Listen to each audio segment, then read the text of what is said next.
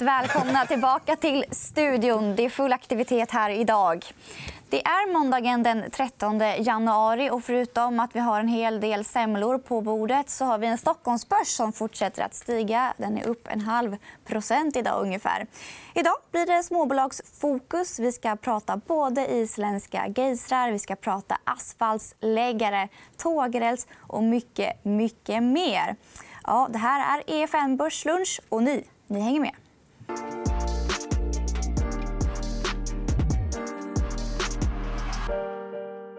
Riktigt bra. Riktigt bra. Ursäkta. Vi noterar att Essity stiger idag. Ericsson också. Essity efter en omvänd vinstvarning från Vinda. Hongkong-noterat eh, storägt dotterbolag. Två giganter har vi också här. Johan Thorén, som hade med sig semlor, uppskattar vi väldigt mycket. Oskar kom tomhänt, men är lika välkommen. Vilket fiasko. bra. Vi har jättemycket att prata om idag, förutom semlorna. Vi har tänkte se tillbaka lite grann från era många och kära besök här i studion. Tittarfrågorna har också vält in efter Johans fråga på Twitter. Så vi river av en av dem direkt. Den handlar om Climon. Det ser ut så här. Jag vill gärna höra dina tankar om hur det går för Climon i Japan och övriga marknader för de kommande två åren. Ja, Johan. Ja, det vore underbart om jag visste hur det skulle gå de närmsta två åren. Men eh, jag kan i alla fall... Du kan berätta hur det har gått. Ja, och det... 2019 det var ju ett ganska trist år för Climon. Får jag lov att säga. Man gjorde ett, eh, tror jag, eller det säger de själva, ett lite strategiskt misstag. Man blev lockad av att lägga all sin kraft på den geotermiska sidan och Japan där efterfrågan är och intresset är jättestort. Men det här är en byråkratisk eh, process att kunna få tillstånd att borra, att sen eh, koppla upp elen på nätet och så vidare. Det har gjort så att det här har blivit den ena fördröjningen efter den andra. Nu hoppas man att någon gång i slutet på våren, början av sommaren kanske få igång den här anläggningen. Och innan man har den igång så är det väldigt svårt att få de japanska köparna Eh, att våga teckna några order. Så att jag tror inte vi kommer se så mycket nya ordrar på den geotermiska sidan direkt där Climon själva är liksom med och eh, från det att man borrar och uppåt. Det man däremot kommer se mycket mer av och det kunde man så att det kom en order här från England i december. Och det, det är riktigt intressant. För att Det är från stor eh, eh, naturgaskraftanläggning. I England? I England. För, för man kan ju inte ha de här överallt. Nej, så det är men... begränsat på det sättet. Ju. Ja, just det. Geotermiska är ju begränsat där det är vulkaniskt. Men det är ju Climons maskiner omvandlar ju varmvatten till elektricitet. Så det kommer varmvatten ifrån kylvatten från olika eh, då, maskiner eller båtarnas kylrum eller motorer behöver kylas det vattnet. Det är där det passar väldigt bra att stoppa in de här maskinerna. Och nu fick man en order då till kraft, eh, ett kraftverk i eh, England som drivs av naturgas. Och då har man oerhörda mängder eh, kylvatten som bara liksom försvinner. Så de kommer byta fokus lite då till den här typen? Ja, man har hela tiden haft det här fokuset. Man, man, man la all sin kraft på det geotermiska. Och man fortsätter stenhårt på det geotermiska, men det tar lite längre tid. Det är mycket enklare om du har en, liksom, redan ett färdigt rör där det kommer varmvatten nu. Och där du redan har en, ett elnät att kunna koppla upp det på. Och då kan vi slippa lite av de värsta slagen i aktien. eller vad kan man hoppas på? Just det. Och dessutom, just det där med slagen när det gäller elkraft. För att de här kraftverken används ofta vid vindkraftsproduktion. För att vindkraft fattar ni ju att det producerar ju bara när det är rätt vindförutsättningar. Däremellan så måste man stödkraft och då kör man såna här gensetmaskiner eller naturgasanläggningar. Eh, om man parar ihop det med en Climon-maskin då blir de klassade som mer miljövänliga. Och då får den leverantören som då levererar den här stödkraften högre betalt och dessutom förtur ut i nätet. De får en effektivare produktion, de ökar sin produktion, de får mer betalt och de kommer ut i nätet först. Det är alltså väldigt lönsamt för en sån aktör att plocka in Climons maskiner. Så det blir väldigt spännande att se ifall man ser det området växa. Titta närmare på den affären som man mm. gjorde i England. Det är mitt tips. Det ska vi göra. Vi ska gå vidare, men vi ska stanna kvar inom väder och vind i bred bemärkelse. Bränderna i Australien ledde fram till lite snack. I morse berättade du Vi hade lite er. väderresonemang och då hamnade vi i skogsbränderna. Och det blev ju en klimatfråga någonstans. Men för att konkretisera så, så började vi spekulera då i eh, Dometic. Eh, Och att de har en ganska stor del av sin intjäning. Eh, Försäljningen ligger runt 10 i Asia Pacific. Och jag tror att ebit ligger runt dubbelt. Alltså 20% av deras ebit är därifrån. Och då är Australien lejonparten av den siffran. Och då kan man ju fundera på hur turistnäringen mår och hur det kommer att bli i Australien kommande halvåret efter det här. Eller under det här, får man ju säga. För de Negativt låter det ju som. Ja, det borde ju vara det. Vi hade, vi hade faktiskt någon röst på det positiva också. Att då behöver ju folk fler ställen att bo på, och fler kylskåp och kyla sina grejer i. Så att det, men, men spekulationen var ändå att det här på balansen kan vara negativt för Dometic. Absolut. låter ändå ganska kortsiktig risk. Det känns ju som det är ganska varmt i Australien. Så vill Ja, det är ett fantastiskt bolag i grunden. så att det, är inte, det, det går inte att prata allt för mycket negativt om Dometic. Vi gillar Dometic eh, generellt. Men det här kan vara en liten riskfaktor just nu. Då. Vi ska återkomma till kyla i olika skepnader. Men flera väderspaningar. Här hemma har vi haft en väldigt varm vinter. Det kan vara positivt för asfaltsläggare som kan jobba lite extra. Ja, absolut. Och det är såklart att det, det kan man väl kanske se att vägarbeten och här inne i stan där de gräver överallt att det kanske rullar på lite mer än vad det borde göra eh, den här tiden på året. Så att det, borde på balansen vara positivt för NCC och, och Peab eh, att det är ett varmare väder. Eh, Helt klart. Är det så enkelt? Då? Du hade... Sticker inte byggjobbarna iväg och gör andra saker på vintern? Eller hur går det till? Jo, men absolut är det säsongsberoende på vilken arbetsstyrka du har. Så att det är såklart att det är inte bara att ringa in asfaltsgänget med väldigt kort varsel. De sitter inte bara och väntar. Utan de är förmodligen någon annanstans där det är varmare just nu. Så att, absolut. Innan vi lämnar Peab, de har ju haft ett fantastiskt år. Vi såg i kursgrafen här att de har gått ganska mycket. Vad tror du om bolaget framåt? Det är vårt favoritbolag i sektorn. Och det- känns som att de gör mest... eh, Ska man säga så här om byggbolag, ska man vara helt ärlig om vi tar in Skanska också i det här, så det är de som gör minst fel som går bäst. På något sätt, va? De- De lever med lövtunna marginaler och det är en jättejobbig sektor att vara investerad i. Eh, Och så sitter folk och tjoar för att de tar en order om dagen och det ligger liksom lite i deras natur att de måste göra det. Sen är det väldigt långa ledtider och du ska behålla marginalerna på det du gör. Så att de här bolagen är ju fragila, helt klart. Eh, så att de är lite tuffa. Jag tycker kanske Peab har, det har ju gått väldigt bra för Peab nu. Och då blir jag alltid lite skeptisk. Så fungerar jag. Medan kanske NCC har inte alls gått lika bra. Då kanske jag blir lite mer intresserad av, av NCC. Då blir det så att en risk-reward blir skruvad i, i de två bolagen beroende på hur de har gått också. Så att, eh, Kan man ta samma resonemang till Bygghemma, Byggmax? eh, allt som är byggrelaterat. Jag tror att Nordic Waterproofing är väl kanske det som skulle kanske kunna gynnas mest eh, av de bolagen. Vi kanske inte springer till, till Byggmax, du och jag, för att det är januari, även om det är varmt. Men det är såklart att viss påverkan positivt har det ju självklart på all byggindustri, både så att säga, ur ett retailperspektiv och ett professionellt Men särskilt de som har en liten grön twist.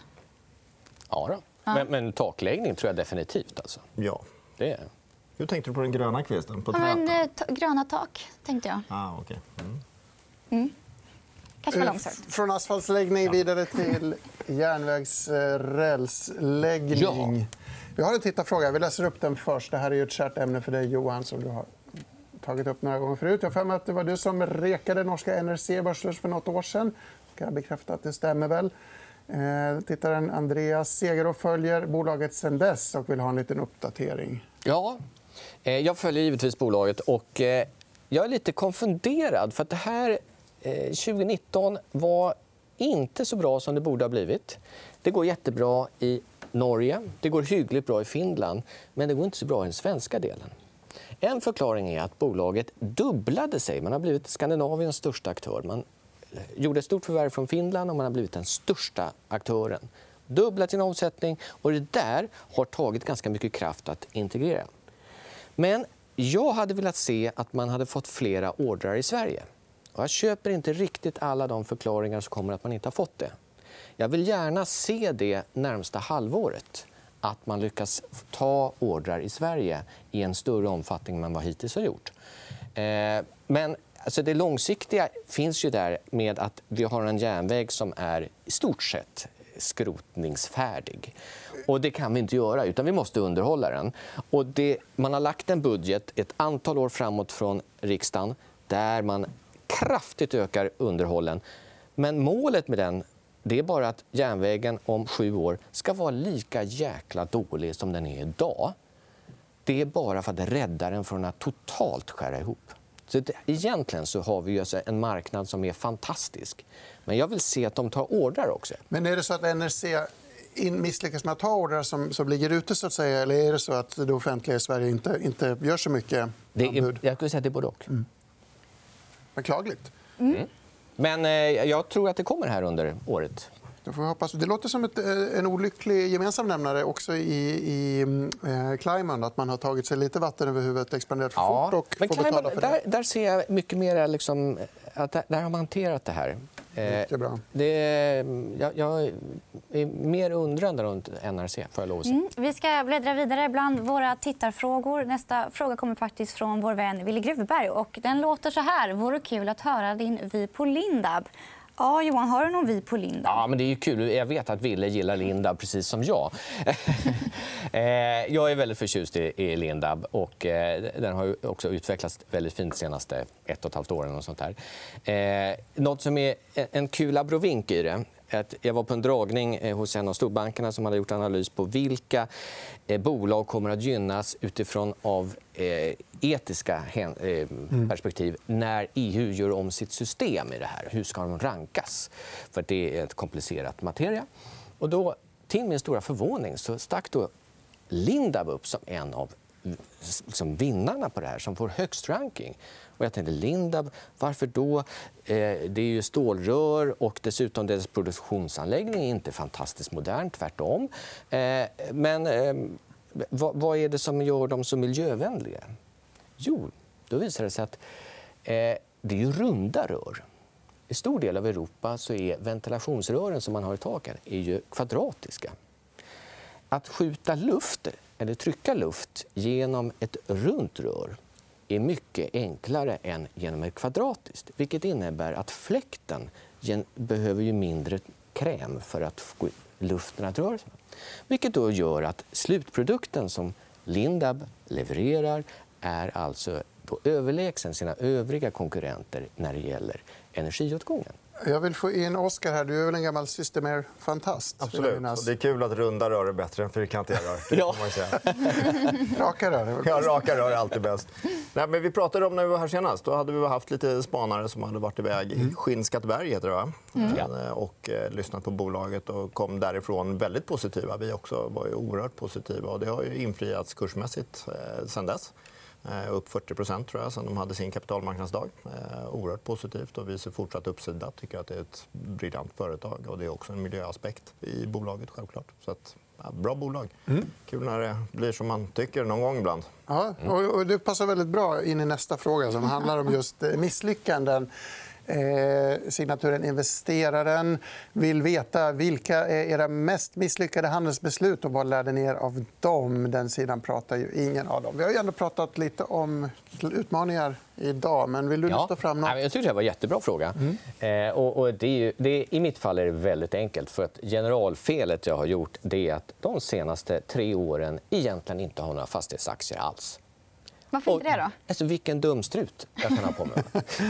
eh, ja, nej, men jag har liksom sett att ha, vi har nollränta. Eh, det bästa situationen i alla eh, avseenden har gällt för fastigheter. Högkonjunktur, inga, inga vakanser. Vad kan bli bättre? Skattegynnat jämfört med övriga eh, bolag. Så eh, vad kan bli bättre? Men eh, det har ju varit tvärfel från mig. Men jag kan säga att jag vill inte köpa några fastigheter Nej. idag. Utan, eh, jag, eh, jag, behåller min restriktiva. Och, eh, det är möjligt att jag får fel ytterligare ett halvår framåt. Men ja, jag vågar inte gå in. Du, då, ska vill du dela med dig av något misstag? Ja, flera. Jag har massor med misstag. Jag är väldigt duktig på misstag. Nämligen. Men det innan jag kom hit nu på morgonen då satt jag och tittade på lite gamla avsnitt på mig själv. När jag var här bara för att kunna liksom kolla vad har man sagt egentligen. Men ett bolag som vi pratade om i fastighetssektorn då, eh, när vi pratade retail och eh, eh onlineförsäljning var Catena Fastigheter. Jag kommer ihåg hur positiv jag var till det, eh, på 130 kronor och liknande. Men man släpper ju saker ganska fort. Alltså, jag missar de 300 sista kronorna. Så att, men en annan sektor som jag har pratat mycket om och varit väldigt positiv det är, det är ju hela spelindustrin. Eh, mm. Allt från Evolution Gaming till, till de rena spelbolagen. Alltså Kindred till exempel, som jag pratar mycket positivt om. Kambi, eh, som gör själva spelmotorn. Har eh, varit väldigt positivt till dem under en lång tid. Och det har ju varit ibland väldigt rätt, men ofta väldigt fel. Vi har men du, har haft, du har haft rätt i Evolution i alla fall? Då? Ja, men inte alls på, det har inte alls varit... De som har följt mig under alla år har inte hört mig säga Evolution speciellt många gånger jämfört med Kindred och Kambi. Till exempel. Så. Har du någon vy på bolagen idag, Kindred och Kambi? Jag tycker båda är notoriskt felvärderade och för lågt värderade. Men, men man kan väl säga när det gäller eh, Kindreds del så finns det är mer komplex struktur såklart och, och mer spridd verksamhet. Men jag tycker fortfarande inte att värderingen på något sätt är ansträngande. De har en väldigt bra direktavkastning, vilket man aldrig ska hänga upp investeringar på. Men det kan i alla fall vara någonstans lite tycker jag, positivt. Däremot Kambi som, som har en, de jobbar in sig i den amerikanska marknaden just nu. Och ska man se någon trigger i spelindustrin just nu nu så är det ju USA. Och det är av två olika skäl. Dels så växer ju den marknaden brutalt fort. Mycket snabbare än man kunde se bara för nåt år sedan. Tillväxten i siffrorna för de stater som redan har kommit igång är också helt brutala, månad månad. Så det är fantastiska siffror därifrån. Dessutom så får vi ett investerarkollektiv som börjar investera i den här sektorn nu från USA. Och det tror jag man inte ska underskatta. Och då finns det x antal bolag som håller på med det här, som är mogna bolag idag, som exponerar sig i USA. Det är bland annat de här Och det kan kompensera för alla ESG pengar som har trillat ja, för det har, ju varit, det har man ju lärt sig den hårda vägen. att just. ESG-resonemanget är ju tufft för de här bolagen. Mm. Eh, du säger att du inte har nämnt Evo så mycket, men vi har ju en man i studion som faktiskt har nämnt Evo en eller två gånger. Då syftar jag inte på Gabriel, utan det är du Johan. Och vi har en tittarfråga på det. Yes. Okay. Vi börjar med tittarfrågan. Den handlar något om Evo, framtiden i Indien och USA. Vi har ju värmt upp med USA lite grann. Ja. Kanske... Nej, men det, jag har ju tjatat Evo i jag vet inte hur länge. Eh, jag sa det när, alldeles nyss innan jag började här. Att när jag besökte Riga första gången, deras anläggning i Riga, jag tror att det är fem eller sex år sedan, det var jag och Robur som var nere. Och det var otroligt givande. Då såg jag potentialen i det här. Jag tänkte att det här är, är outstanding. Så frågade jag hur ofta har ni besök av investerare. Ni är de första. Ja, sen dess har vi bara hållit i det. Vi passerade förra veckan 1000% avkastning, så vi är ganska nöjda. Men, så vad vi har gjort under hela tiden det är bara att sälja och sälja, för vi kan inte ha för mycket vikt i det. Men eh, vi håller kvar. Och eh, vad eh, säger vi då om USA framöver? Det är ju eh, jag skulle säga att det har varit succé i de två stater som nu har varit, blivit reglerade och där de kan verka. Eh, de är helt outstanding i det. Och jag ser inte varför inte de kommer kunna fortsätta rulla ut det här i USA allt eftersom staterna blir reglerade. Och det är det man börjar se i kursen nu. Att investerarna förstår att USA-potentialen den finns där. Det var inte bara en, fantasi, utan den finns där och den börjar bli en realitet. Och det går snabbare än vad man har väntat sig. Mycket snabbare. Hörrni, kära vänner, en annan god vän, Rulle, skrev i sitt morgonbrev i morse att eh, Evo, tillsammans, Evo hade ett market cap på 56 miljarder, lika stort som Paradox, Kindred, Stillfront, Betsson, Netend, Leo Vegas, Better Collective och Catena Media tillsammans. Känn på den. Men, ja. Kvalitet. ja. Innan vi tar eh, och avslutar dagen, kort om Fingerprint har vi i programmet. Ja, men det är också en sån där som jag har pratat mycket om och där man också kan rannsaka sig själv om man har rätt eller fel. Jag tror jag började prata om det här alldeles för tidigt och följde med en bit ner. Det svänger i alla fall. Den svänger otroligt mycket. och Den är ingenting för de som ligger sömnlösa över sina aktieinvesteringar. Det kan man konstatera. Men det de har är ju exponering mot smarta kort. Och någonstans så är kortindustrin otroligt pressad och måste kontra mobiltelefonibetalning, smartphonebetalningar. Och det måste man göra med smarta kort. Och där ligger Fingerprint och Swipe för all del ganska okej okay till. Och bara i spekulationen om att det här kommer att ske så är det ett par bolag som man ska titta på. helt klart. Underbart är kort. och Vi måste bryta programmet. Vi har tagit över tiden lite grann. Där fick jag till en ordvits också. Semlorna ligger på bordet. Vi är tillbaka imorgon 11.45. Då kommer Karl Armfelt i ensam majestät. Mejla gärna in tittarfrågor. eller framförallt på Twitter. har vi Ja, är vi ute med passa haven? på att dundra in era frågor till Karl Armfelt. Och vi ska passa på att hugga in på semlorna. Mm, yes. för sent. Tack så mycket. Tack. Tackar. Tack. Hur många har du ätit då nu?